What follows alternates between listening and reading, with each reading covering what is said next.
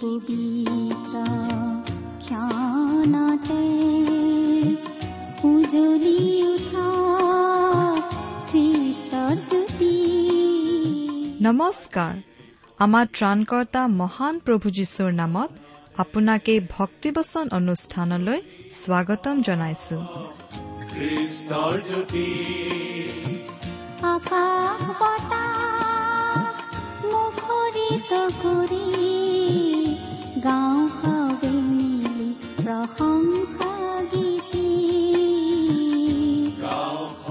এয়া মুকলি কৰিছো ঈশ্বৰৰ জীৱিত বাক্যৰ ধাৰাবাহিক অনুষ্ঠান ভক্তি বচন। আপোনাৰ জীৱনত যদি শান্তি পাব বিচাৰে তেন্তে এয়া ঈশ্বৰৰ বাক্যৰ সান্তনা বাক্য ভক্তি বচন। গতিকে আহক আজিৰ শিক্ষা শুনো।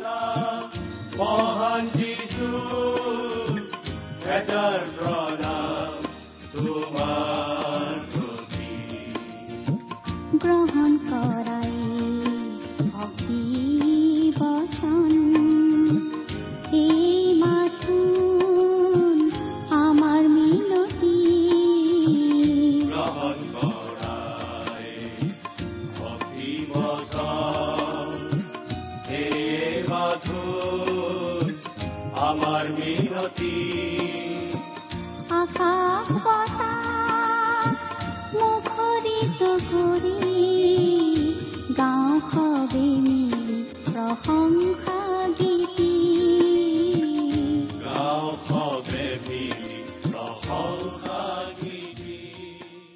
মহান পৰিত্ৰাতা প্ৰভু যীশুখ্ৰীষ্টৰ নামত নমস্কাৰ প্ৰিয় শ্ৰোতা। আপোনাৰ ভালনে বাৰু? আশা কৰোঁ আমাৰ পৰম পবিত্ৰ পিতা পৰমেশ্বৰৰ মহান অনুগ্ৰহত আপুনি ভালে কুশলে আছে। আচলতে আমি যে জীয়াই আছো বিভিন্ন বিপদবিঘিনি দুৰ্যোগ দুখ সময়ৰ এই পৃথিৱীত এই জীৱনৰ প্ৰতিটো দিন প্ৰতিটো ক্ষণ ঈশ্বৰৰ মহান অনুগ্ৰহৰ দান। এই কথা বাৰু আপুনি কেতিয়াবা চিন্তা কৰি চাইছেনে? ঈশ্বৰে আমাক জীয়াই থাকিবলৈ দিছে যাতে আমি ঈশ্বৰক চিনি পাই ঈশ্বৰৰ আজ্ঞামতে চলি দিনে দিনে অধিক ভাল হ'ব পাৰোঁ আৰু আন মানুহৰ মংগলৰ বাবে কাম কৰি যাব পাৰোঁ। আমাৰ এই ভক্তিবচন অনুষ্ঠানো শ্ৰোতাসকলৰ মংগলৰ বাবে এই অনুষ্ঠান শুনি আপুনি বাৰু কিবা প্ৰকাৰে উপকৃত হৈছেনে? অনুগ্ৰহ কৰি আমালৈ চিঠি লিখি জনাবচোন। এখন পোষ্টকাৰ্ডত দুষাৰিমান লিখি পঠিয়াবলৈ সময় উলিয়াবচোন।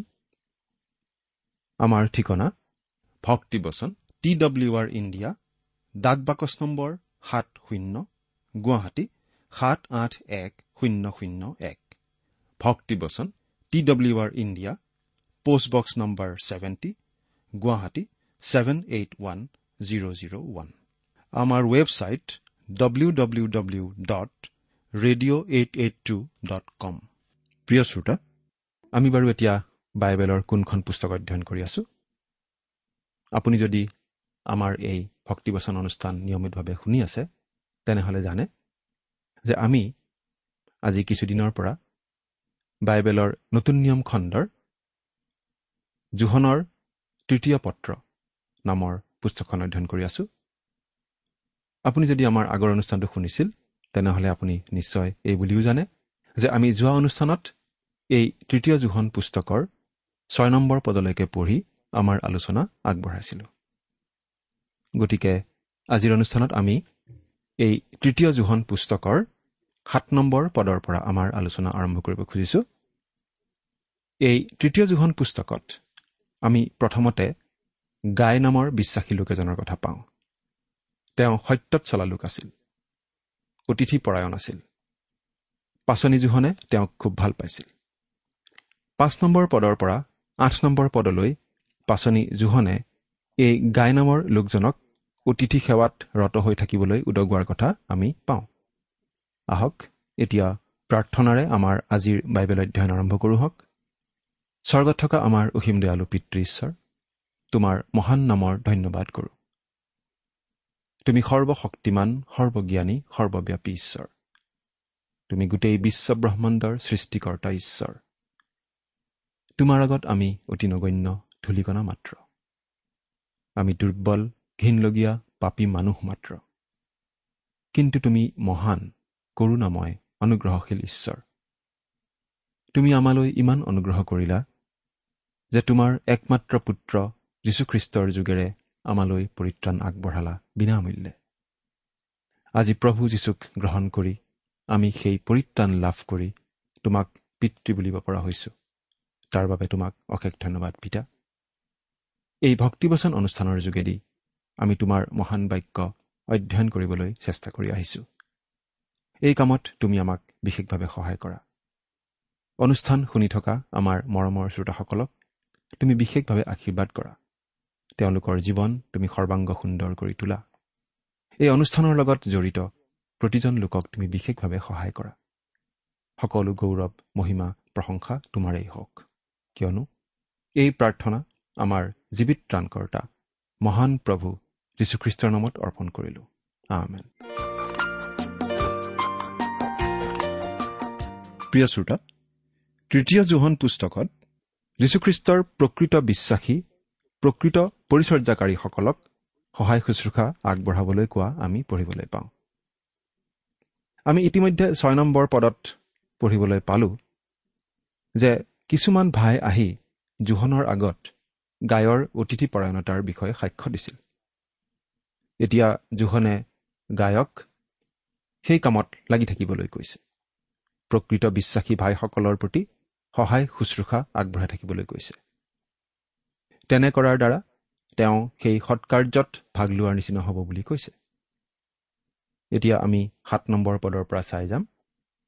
আপোনাৰ লগত যদি বাইবেল আছে চাই যাব। আৰু লগত যদি বাইবেল নাই অনুগ্ৰহ কৰি মন দি শুনিব। পাঠ কৰি দিছোঁ। সাত নম্বৰ পদ। ইয়াত এনেদৰে লিখা আছে কিয়নো তেওঁবিলাকে পৰজাতিবিলাকৰ পৰা একো নলৈ প্ৰভুৰ নামৰ নিমিত্তে ওলাই গ'ল। জোহনে কৈছে এই ভাইকেইজনে খ্ৰীষ্টৰ পৰিচৰ্যাৰ কাৰণেই ওলাই গৈছিল। একমাত্ৰ ঈশ্বৰত ভৰসা কৰি কাৰো পৰা একো সহায় নলৈ ওলাই গৈছিল। আৰু তুমি তেওঁলোকক তোমাৰ ঘৰত আশ্ৰয় দিলা। তেওঁবিলাক প্ৰকৃত বিশ্বাসী। ঈশ্বৰৰ প্ৰকৃত পৰিচৰ্যাকাৰী। তুমি তেওঁলোকক গ্ৰহণ কৰিলা। এই লোককেইজনে যথেষ্ট ত্যাগ স্বীকাৰ কৰি ওলাই গৈছিল। তেওঁলোকে কোনো দৰমহা পোৱা নাছিল কোনো মাননি পোৱা নাছিল। তেওঁলোকে একমাত্ৰ ঈশ্বৰত ভৰসা কৰিয়েই ওলাই গৈছিল ঈশ্বৰৰ পৰিচৰ্যা কৰিবলৈ। বিভিন্ন ঠাইৰ খ্ৰীষ্টীয় বিশ্বাসীসকলে নিশ্চয় তেওঁলোকক ঘৰত আশ্ৰয় দিছিল। কিছুমান ঠাইত হয়তো তেওঁলোকক টকা পইচা আদিৰেও সহায় কৰা হৈছিল। কিছুমান ঠাইত হয়তো কোনো ধৰণৰ সহায় তেওঁলোকে পোৱা নাছিল।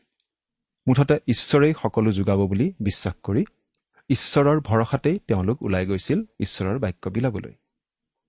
পৰজাতিবিলাকৰ পৰা একো নলয়। সঁচা মিছা পৰীক্ষা কৰি চোৱাৰ এইটো এটা উপায়। কিছুমান সংগঠনে আচলতে ধন ঘটিবৰ উদ্দেশ্যেৰেহে আনৰ আগত পৰিচৰ্যা কৰা দেখুৱায়। আচল উদ্দেশ্য কিন্তু ধন ঘটাহে পৰিচৰ্যা কৰা নহয়। কিন্তু ঈশ্বৰৰ প্ৰকৃত পৰিচাৰকে সকলোখিনি ঈশ্বৰেই যোগাব বুলি আশা কৰে। আনৰ ওচৰত দান বৰঙণি বিচাৰি নুফুৰে। আৰু যাৰে তাৰে পৰা সহায়ো নলয় কেৱল প্ৰকৃত বিশ্বাসীসকলৰ পৰাহে সহায় গ্ৰহণ কৰে। আৰু আচলতে এনেকুৱা অনুষ্ঠানৰ যোগেদিয়েই ঈশ্বৰৰ গৌৰৱ হয়। এতিয়া আমি আঠ নম্বৰ পদটো পঢ়িম। এতেকে আমি সত্যৰ সহকাৰী হ'বলৈ এনে মানুহক আমিয়েই প্ৰতিপালন কৰা উচিত। আন কথাত এনেকৈও ক'ব পাৰি তুমি যদি এই মানুহকেইজনলৈ তোমাৰ ঘৰৰ দুৱাৰ মুকলি কৰি দিয়া তেতিয়াহ'লে তুমি সেই মানুহকেইজনে কৰি থকা সত্যৰ পৰিচৰ্যাৰ সহকাৰী হ'বা। যদি তোমাৰ ধন সম্পত্তিৰে বা আন কিবা প্ৰকাৰে তেওঁলোকক সহায় কৰা তুমি তেওঁলোকৰ পৰিচৰ্যাৰ অংশীদাৰ হ'বা। তুমিও পৰিচৰ্যা কৰাৰ নিচিনাই হ'ব। সত্যৰ সহকাৰী হ'বলৈ। এই লোককেইজন ভুৱা শিক্ষক বা প্ৰচাৰক নাছিল। তেওঁলোকে সত্যৰ পৰিচৰ্যা কৰিছিল। খ্ৰীষ্টীয় বিশ্বাসৰ মূল কথাবোৰ তেওঁলোকে মানিছিল। আৰু তাকেই শিকাইছিল। তেওঁলোকে সত্যৰ পৰিচৰ্যা কৰিছিল সত্য প্ৰচাৰ কৰিছিল। প্ৰভু যীশুৰ বিষয়ে যিমানবোৰ কথা আমি বাইবেলত পাওঁ সেই সকলো কথা তেওঁলোকে বিশ্বাস কৰিছিল আৰু আনকো সেই কথাই শিকাইছিল। সেইবাবে তেওঁলোকক সহায় কৰা মানে সত্যৰ সহকাৰী হোৱা। এনে মানুহক আমিয়েই প্ৰতিপালন কৰা উচিত। খ্ৰীষ্টৰ প্ৰকৃত পৰিচাৰক সেৱকসকলক প্ৰতিপালন কৰাটো আমাৰ কৰ্তব্য। প্ৰকৃত খ্ৰীষ্টীয় বিশ্বাসীয়ে এই কথা মনত ৰখা উচিত। আমি এনে সুবিধা বিচাৰি থকা উচিত। সুবিধা পালেই এনে প্ৰকৃত পৰিচৰ্যাকাৰী লোকক আমি সহায় কৰা উচিত। এইটো আমাৰ কৰ্তব্য বুলি আমাক ইয়াত কোৱা হৈছে। আপুনি বাৰু এনে প্ৰকৃত খ্ৰীষ্টীয় পৰিচৰ্যাকাৰী লোকক সহায় কৰিছেনে? জোহনৰ দ্বিতীয় পত্ৰত জোহনে সাৱধান কৰি দিছিল যাতে ভুৱা শিক্ষক প্ৰচাৰক আদিক ঘৰত আলহীকৈ ৰখা নহয়। কাৰণ তেনে কৰিলে তেওঁলোকৰ দুষ্কৰ্মৰ সহকাৰী হোৱাৰ নিচিনা হ'ব। গতিকে বহুতে ভাবিব পাৰে সাৱধান হোৱাই ভাল। কাকো ঘৰত আশ্ৰয় নিদিয়াই ভাল। তেতিয়া এনে ভুল কৰাৰ ভয় নাথাকে। কিন্তু ইয়াত আমাক জোহনে কৈছে ৰবা তেনে নকৰিবা। প্ৰকৃত বিশ্বাসী ভাইসকলক আশ্ৰয় নিদিয়াকৈ নাথাকিবা। কোনো ভাই যদি সত্যত আছে যদি পোহৰত চলি আছে প্ৰেমত চলি আছে যদিহে ঈশ্বৰৰ বাক্য তেওঁৰ জীৱনত আছে তেন্তে তেনেকুৱা প্ৰকৃত বিশ্বাসী ভাইক আশ্ৰয় দিব লাগিব সহায় কৰিব লাগিব। কোনো ব্যক্তিক যদি আমি ঈশ্বৰৰ লোক বুলি গম পাওঁ আমি তেওঁক সহায় কৰিবলৈ সাজু থাকিব লাগিব যাতে আমি সত্যৰ সহকাৰী হ'ব পাৰোঁ। গায়ে এনেদৰেই কৰিছিল আৰু তেনেকৈয়ে তেওঁ ঈশ্বৰৰ বাক্য ঘোষণা কৰা কামৰ সহকাৰী হৈছিল। গাই আছিল মণ্ডলীৰ এজন আদৰণীয় লোক। মণ্ডলীৰ সকলো লোক তেওঁৰ নিচিনা হোৱা হ'লে কি যে ভাল হ'লহেঁতেন। কিন্তু সকলো মানুহ তেওঁৰ নিচিনা নাছিল। এতিয়া আমি বেলেগ এজন মানুহৰ বিষয়ে পাওঁ। তেওঁৰ বিষয়ে পাচনি জোহনে কি কৈছে আমি ন নম্বৰ পদত পাওঁ। ন নম্বৰ পদটো পঢ়ি দিছোঁ। মই মণ্ডলীলৈ কিবা কিবি লিখিছিলোঁ। কিন্তু তেওঁবিলাকৰ মাজত প্ৰাধান্যৰ অভিলাষী ডিয়ট্ৰিফিয়ে মোৰ ক্ষমতা স্বীকাৰ নকৰে। আৰু এই মানুহজন হ'ল ডিয়ট্ৰিফি বহুতো লোকে খ্ৰীষ্টক গ্ৰহণ কৰি মণ্ডলীভুক্ত হৈছিল। সকলোবোৰ মানুহ বাৰু আদৰণীয় ব্যক্তিত্বৰ আছিল নেকি? সকলো খ্ৰীষ্টীয় বিশ্বাসী বাৰু আদৰণীয় ব্যক্তি আছিল নেকি? আদৰণীয় খ্ৰীষ্টিয়ান জীৱন যাপন কৰা লোক আছিল নেকি? আমি ইতিমধ্যে পালোঁ সত্যত চলা গায়ৰ দৰে মানুহ মণ্ডলীত আছিল। কিন্তু লগতে আমি এইটোও পালোঁ যে ডিয়ট্ৰিফিৰ নিচিনা মানুহো আছিল। তেওঁ গায়তকৈ বহুত বেলেগ ধৰণৰ মানুহ আছিল। ডিয়ট্ৰিফিয়ে সদায় প্ৰাধান্য পাবলৈ বিচাৰিছিল। সদায় সকলোতে আগস্থান বিচাৰিছিল। তেওঁক আগস্থান দিয়া হওক এয়ে তেওঁৰ ইচ্ছা আছিল। গাই আছিল আদৰণীয় ব্যক্তিত্বৰ লোক। মণ্ডলীৰ মানুহবোৰে নিশ্চয় তেওঁক খুব ভাল পাইছিল। কিন্তু ডিঅ'ট্ৰিফি তেনে নাছিল। ডিঅ'ট্ৰিফি আছিল একনায়কত্ববাদী শাসকৰ নিচিনা। ইয়াত আমি এই কথাটো জানিব পাৰোঁ যে তেওঁ আনকি পাচনি জোহনকো ওলাই কৰিছিল। পাচনি জোহনে কোৱা কথাও মানি ল'বলৈ অস্বীকাৰ কৰিছিল। জোহনে এই মণ্ডলীলৈ এখন চিঠি লিখিছিল। কিছুমান লোকক গ্ৰহণ কৰি আলহীকৈ ৰাখিবলৈ। সেই লোকসকলৰ মাজতে ডিমিত্ৰিয় নামৰ লোক এজনো আছিল। তেওঁ খ্ৰীষ্টৰ শুভবাৰ্তাৰ প্ৰচাৰক আছিল। খুব ভাল প্ৰচাৰক আছিল। এওঁক গ্ৰহণ কৰি ল'বলৈ জোহনে মণ্ডলীলৈ চিঠি লিখিছিল। কিন্তু ডিয়ট্ৰিফিয়ে সেই কথাত সন্মত হোৱা নাছিল। ডিমিত্ৰিয়ক গ্ৰহণ কৰিবলৈ ডিয়ট্ৰিফি অমান্তি হৈছিল। আমি আগতেও পাই আহিছোঁ যে অতিথি পৰায়ণতা আদি মণ্ডলীৰ এটা আদৰণীয় গুণ আছিল। আমি এই প্ৰসংগতে কেইটামান শাস্ত্ৰ পদ পঢ়ি দিব খুজিছোঁ। প্ৰথম পিতৰ চাৰি নম্বৰ অধ্যায় ন নম্বৰ পদটো পঢ়ি দিছোঁ। ওজৰ নকৰাকৈ পৰস্পৰে অতিথি সেৱাত আসক্ত হোৱা। তাৰপিছত আমি পঢ়ি দিম। টিত প্ৰথম অধ্যায় আঠ আৰু ন পদ। ইয়াত আমি এনেদৰে পাওঁ। অতিথি সেৱক সাধুক স্নেহ কৰোতা বিবেচক ন্যায় কৰোতা পবিত্ৰ পৰিমিতভোগী আৰু নিৰাময় শিক্ষাত আশ্বাস দিবলৈ আৰু আপত্তিকাৰীবিলাকক অনুযোগ কৰিবলৈ সমৰ্থ হ'বৰ কাৰণে উপদেশৰ অনুৰূপ বিশ্বাসযোগ্য বাক্যত আসক্ত হ'ব লাগে। তাৰপিছত পঢ়ি দিছোঁ। ৰুমিয়া বাৰ অধ্যায় তেৰ নম্বৰ পদ। ইয়াত আমি এনেদৰে পাওঁ। পবিত্ৰবিলাকৰ অভাৱ দূৰ কৰা কথাত তেওঁবিলাকৰ সহভাগী হোৱা অতিথি সেৱাত ৰত হোৱা। ডিঅ'ট্ৰিফি মণ্ডলীৰ নেতা নে সাধাৰণ মানুহ আছিল আমি ক'ব নোৱাৰোঁ। কিন্তু তেওঁ হ'লে এনেদৰে আলহী ৰখা কথাটোৰ বিৰোধী আছিল যেন আমাৰ লাগে। বিশেষকৈ পাচনি জোহনে অনুমোদন জনাই অনুৰোধ কৰা লোকসকলকো তেওঁ ঘৰত আলহীকৈ ৰখাৰ পক্ষপাতি নাছিল। কাৰণ ডিঅ'ট্ৰিফিয়ে সদায় সকলোতে আগস্থান ল'বলৈ ভাল পাইছিল। নিজকে নপতা ফুকন দেখুৱাইছিল। সকলোৱে তেওঁক মানি চলাটোহে বিচাৰিছিল। ডিঅ'ট্ৰিফিৰ বিৰুদ্ধে পাচনি জোহনে পাঁচটা দোষ আঙুলিয়াই দিছে প্ৰথমতে ডিঅ'ট্ৰিফিয়ে মণ্ডলীত সদায় আগস্থান পাবলৈ হাবিয়াস কৰে।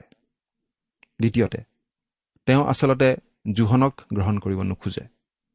জোহনৰ কৰ্তৃত্ব মানিব নোখোজে। তৃতীয়তে পাচনীসকলৰ বিষয়ে ডিঅ'ট্ৰিফিয়ে অপবাদমূলক বা অপমানজনক মন্তব্য ৰাখে। চতুৰ্থতে শুভবাৰ্তা প্ৰচাৰকক ডিঅ'ট্ৰিফিয়ে গ্ৰহণ কৰিবলৈ অস্বীকাৰ কৰে। আৰু পঞ্চমতে তেনে শুভবাৰ্তা প্ৰচাৰকক ঘৰত আলহীকৈ ৰখা আন লোকক ডিঅ'ট্ৰিফিয়ে সামাজিকভাৱে বৰ্জন কৰে মণ্ডলীৰ বাহিৰ কৰে। যি কাম তেওঁ নিজে নকৰে আনকো কৰিবলৈ নিদিয়ে।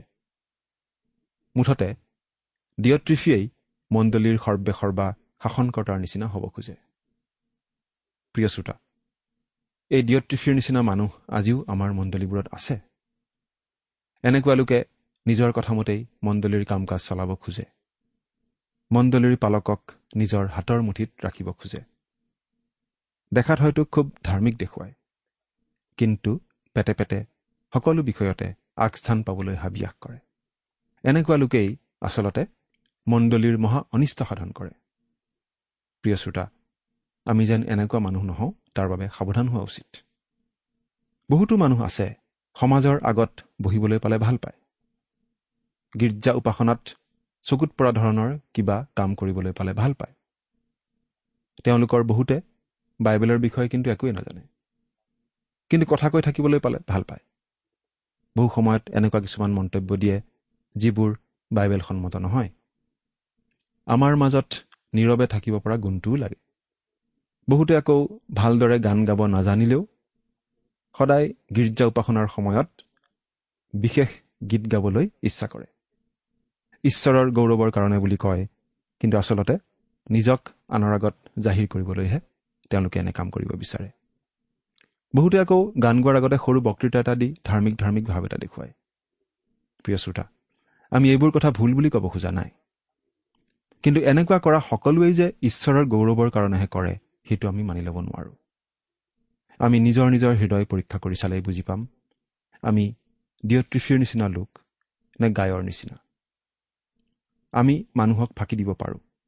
মানুহৰ চকুত ধূলি দিব পাৰোঁ। কিন্তু ঈশ্বৰক ফাঁকি দিব জানো পাৰিম? প্ৰিয় শ্ৰোতা আপুনি বাৰু কেতিয়াবা চিনেমাৰ শ্বুটিং চাই পাইছেনে? এবাৰ এজন মানুহে চিনেমাৰ শ্বুটিং চাবলৈ গৈছিল। চাই খুব ভাল লাগিব বুলি ভাবিছিল।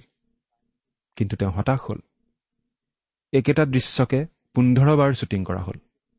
অৰ্থাৎ একেটা দৃশ্যৰ অভিনয় পোন্ধৰবাৰ কৰিলে। অভিনেতা অভিনেত্ৰী দুজনে। যাতে অভিনয়খিনি পৰিচালকৰ মনঃপুত হয় যাতে দৰ্শকে ভাল পায়। চিনেমাখন চোৱাৰ সময়ততো দৰ্শকে গমেই নাপায় কোনো এটা দৃশ্য মনঃপুত কৰিবৰ কাৰণে ইমানবাৰ শ্বুটিং লোৱা হৈছিল বুলি। সেই মানুহজনে শ্বুটিং চাই বিৰক্ত হৈ উভতি আহোঁতে এটা কথাই ভাবি আহিছিল। চিনেমাৰ মানুহবোৰে দৃশ্যটো মনঃপুত কৰিবৰ কাৰণে ইমান কষ্ট কৰে। খ্ৰীষ্টীয় বিশ্বাসীসকলেও যদি সকলো কাম ইমান কষ্ট কৰি কৰিলেহেঁতেন খ্ৰীষ্টৰ নামৰ গৌৰৱৰ কাৰণে কিমান ভাল হ'লহেঁতেন। প্ৰিয় শ্ৰোতা আমি হয়তো মণ্ডলীৰ বিভিন্ন দায়িত্ব পালন কৰি আছো। হয়তো আমি বিভিন্ন বাব লৈ আছো। আমি নিজকে এনেদৰে প্ৰশ্ন কৰি চোৱা উচিত। মই বাৰু কি কাৰণে সভাপতিৰ বাব লৈছো? মই বাৰু কি কাৰণে উপাসনা চলাইছো? মই বাৰু কি কাৰণে বিশেষ গীত গাইছো? আনে প্ৰশংসা কৰক বুলি নেকি? নে মই নেতাগিৰি দেখুৱাবলৈ ভাল পাওঁ? নে এই সকলোবিলাক কাম কৰিছো একমাত্ৰ ঈশ্বৰৰ গৌৰৱৰ কাৰণে? প্ৰিয় শ্ৰোতা কোনোবা এজন নিশ্চয় সভাপতি হ'বই লাগিব। কোনোবা এজনে গীৰ্জা উপাসনা চলাবই লাগিব। কোনোবা এজনে গীৰ্জা উপাসনাত শাস্ত্ৰৰ পৰা শিক্ষা দিবই লাগিব। কোনোবাই সেই উপাসনাৰ সময়ত বিশেষ গীতো নিশ্চয় গাবই লাগিব। আমাক এনেকুৱা বহুতো লোক লাগিবই। কিন্তু আমি কিবা এটা কৰাৰ আগতে নিজৰ নিজৰ হৃদয় পৰীক্ষা কৰি চোৱা উচিত। আমি কি উদ্দেশ্যেৰে সেই কামটো কৰিছো সেইটো আমি পৰীক্ষা কৰি চোৱা উচিত। কাৰণ আমি দিয়ত্ৰিফিৰ নিচিনা হলে মণ্ডলীৰ উপকাৰ নহয় অপকাৰহে হ'ব। এতিয়া দহ নম্বৰ পদটো পাঠ কৰি দিম। দহ নম্বৰ পদ। এইকাৰণে মই গলে তেওঁ কৰা তেওঁৰ সকলো কৰ্ম সোঁৱৰাম। তেওঁ নানা দুৰ্বাক্যেৰে আমাৰ গ্লানি কৰে। আৰু সেইবোৰতো সন্তুষ্ট নহৈ ভাইবিলাকক নিজেও গ্ৰহণ নকৰে আৰু যিবিলাকে গ্ৰহণ কৰিব খোজে তেওঁবিলাককো বাৰণ কৰে আৰু মণ্ডলীৰ পৰাও বাহিৰ কৰে।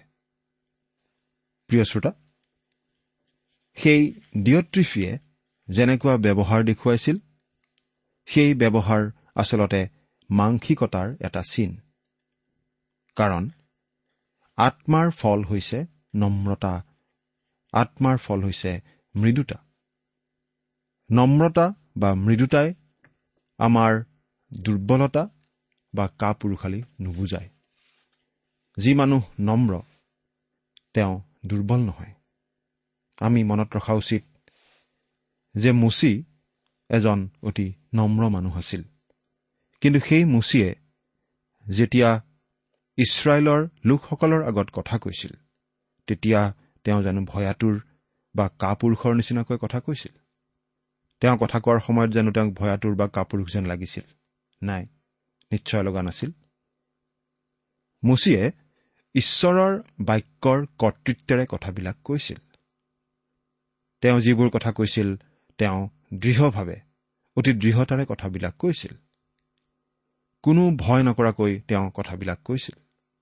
প্ৰিয় শ্ৰোতা আমাৰ প্ৰভু যীশুখ্ৰীষ্ট নম্ৰ মনৰ ব্যক্তি আছিল বুলি আমি পাওঁ। কিন্তু সেই প্ৰভু যীশুখ্ৰীষ্টই জানো অপকৰ্মকাৰীবিলাকক খেদাই পেলাই জিৰচালেমৰ মন্দিৰ পৰিষ্কাৰ কৰা নাছিল। প্ৰয়োজন সাপেক্ষে আমি তেনেকুৱা কাম কৰিব লগাও হ'ব পাৰে। কিন্তু আমি কৰিব লাগিব প্ৰেমৰ ভাৱেৰে সত্যতাৰ আৰু নম্ৰতাৰ ভাৱেৰে। ডিঅট্ৰিফিৰ সকলো দুখ পাচনি জোহনে আঙুলিয়াই দিব বুলি কৈছে। সেই কাম কৰাৰ কৰ্তৃত্ব তেওঁৰ আছিল কাৰণ তেওঁ আছিল পাচনি। প্ৰিয় শ্ৰোতা ডিঅট্ৰিফিৰ কুকৰ্মবোৰৰ কথা এদিন পাচনি জোহনে আহি সোঁৱৰাই দিব বুলি কৈছিল। এইখিনিতে আমি এটা কথা মনত ৰখা উচিত। এদিন আমাৰ প্ৰভু যীশুখ্ৰীষ্ট আহিব। এই পৃথিৱীত তেওঁৰ ন্যায় শাসন প্ৰতিষ্ঠা কৰিবলৈ। যেতিয়া প্ৰভু যীশু পুনৰ এই পৃথিৱীলৈ আহিব আমি তেওঁৰ মুখামুখি হ'ব লাগিব। আমি কৰা সকলো কামৰ আমি কোৱা সকলো কথাৰ জবাবদিহি আমি দিব লাগিব। সেইদিনা বাৰু আমাৰ অৱস্থা কি হ'ব? সেইদিনা বাৰু আপুনি তেওঁৰ পৰা পুৰস্কাৰ পাব? নে আপুনি তেওঁৰ পৰা তিৰস্কাৰ পাব? এবাৰ চিন্তা কৰি চাওকচোন। আমি বাৰু তেওঁৰ পৰা পুৰস্কাৰ পাবলৈ আশা কৰিব পৰা জীৱন কটাই আছোনে? উপযুক্ত খ্ৰীষ্টীয় জীৱন যাপন কৰাৰ দ্বাৰা?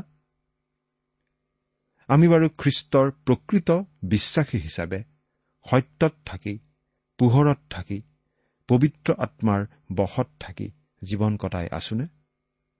আমি প্ৰত্যেকেই এই কথাটো চিন্তা কৰি চোৱা উচিত। ঈশ্বৰে আমাৰ সকলোকে তেনেকুৱা জীৱন যাপন কৰাত সহায় কৰক। আহমেন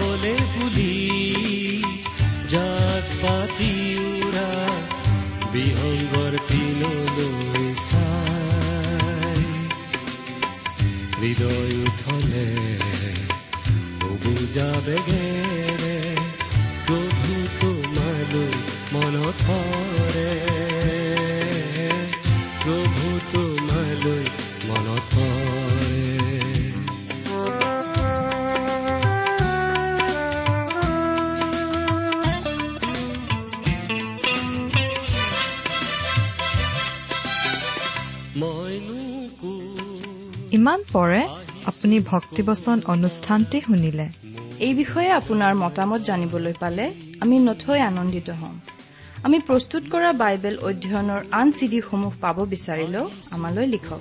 অনুষ্ঠানটি শুনি কেনে পালে আমালৈ চিঠি লিখি জনাবচোন। অনুষ্ঠানত প্ৰচাৰ কৰা কোনো কথা বুজিব লগা থাকিলেও আমালৈ লিখক। আমাৰ ঠিকনা?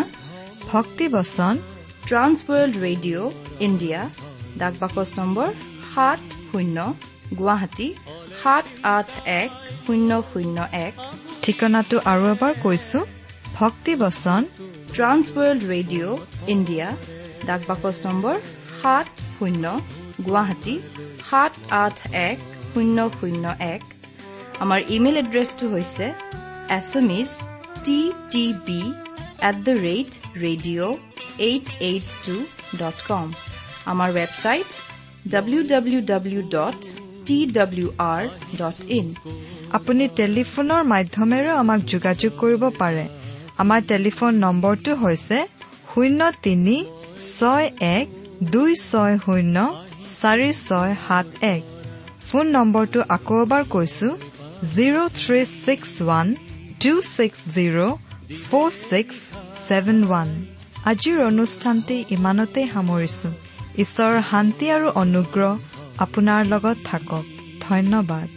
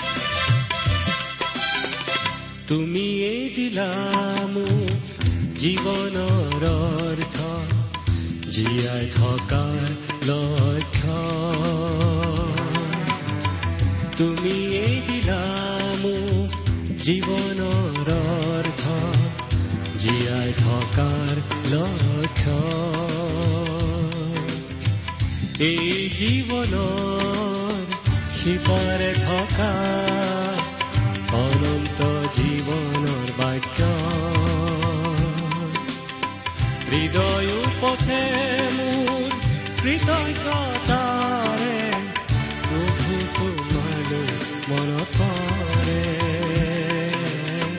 প্ৰভু তোমালৈ মনত পৰে। দূৰ দিগন্ত মাৰ যাব ধৰা হেঙুলি বেলি